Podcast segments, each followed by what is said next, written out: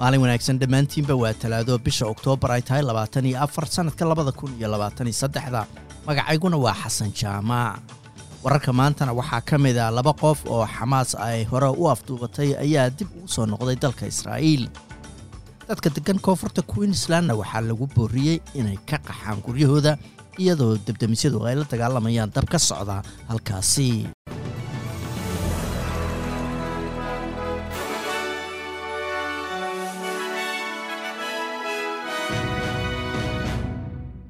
laba qof oo ay xamaas afduub u haysatay ayaa hadda ku jira gacanta militariga israa'iil waxaana la geeyey cisbitaal ku yaalla dalkaasi. Xafiiska ra'iisul wasaaraha israa'iil benjamin netanyahu ayaa xaqiijiyey in labadaas qof la sii daayey kadib markii xamaas ay sheegtay inay sii daysay laba haweena oo waayeela isniintii shalay ahayd sababo bini'aadanimo la xiriira awgood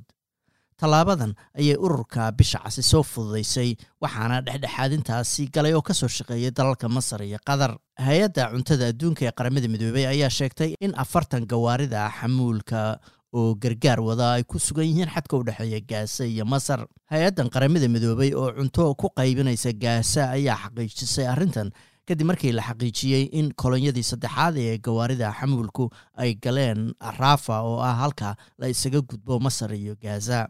laakiin waxay hay'addu intaa ku dartay in cuntada biyaha iyo shidaalkuba ay gabaabsi ku yihiin khaza madaxweynaha maraykanka joe biden ayaa dhankiisa sheegay in maraykanka ay ka go-an tahay in gaasa gargaar bini'aadanimo la gaarsiiyo laakiin wuxuu diiday inuu taageero xabad joojin bini'aadanimo ilaa dadka xamaas ay haysato la soo daynayo ayuu yidhi ra'iisul wasaaraha dalka australia antony albanisi ayaa lagu booriyey inuu sameeyo wax kastaoo awooddiisa oo lagu fulin lahaa heshiiskii okus isagoo hadda la kulmaya madaxweynaha maraykanka joe biden. Heshiiskan gujisyada nukliyeerka ku shaqeeya oo dhex maray maraykanka u k iyo australia ayaa caqabado ka hor yimaadeen markii aqalka sanadka maraykanku uu ku xiray shuruudo ay ka mid yihiin in maalgelin dheeraada la siiyo soo saaridda gawaarida gudaha maraykanka lagu sameeyo. Dadka degan miyiga koonfurta gobolka queensland ayaa lagu boorinayaa inay qaxaan maadaama khatarta ka iman karta dab xawli ku socda ay aada u sarrayso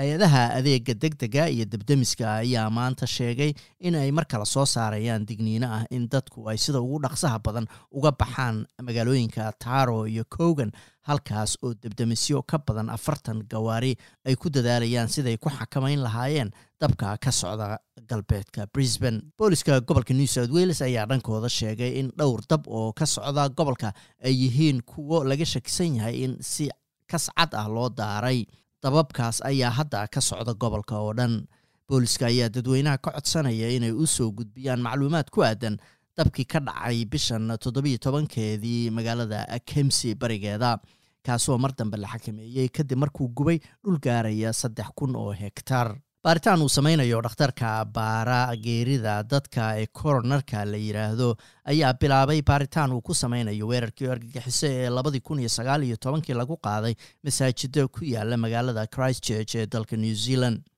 Baaritaankan ayaa la doonayaa in lagu ogaado toban arrimood oo la xiriira weerarkii bishii maarso shan iyo tobankeedii labadii kun iyo sagaal iyo tobankii. Weerarkaas oo konton iyo kow qof ay ku dhinteen tiro kalena ay ku dhaawacmeen waxaana ka mid a waxyaalaha kale ee lagu ogaanayo in dhimashada dadkaasi laga baaqsan karay ama laga hortegi karay. Saadaasha hawada berita oo arbaca magaalada melbourne waa roobab iyo afar iyo toban digrii sidnana waa qayb ahaan daruur iyo laba iyo labaatan digrii halka australian dollara maanta waxaa lagu sarifayay lixdan iyo afar senti oo lacagta maraykanka ah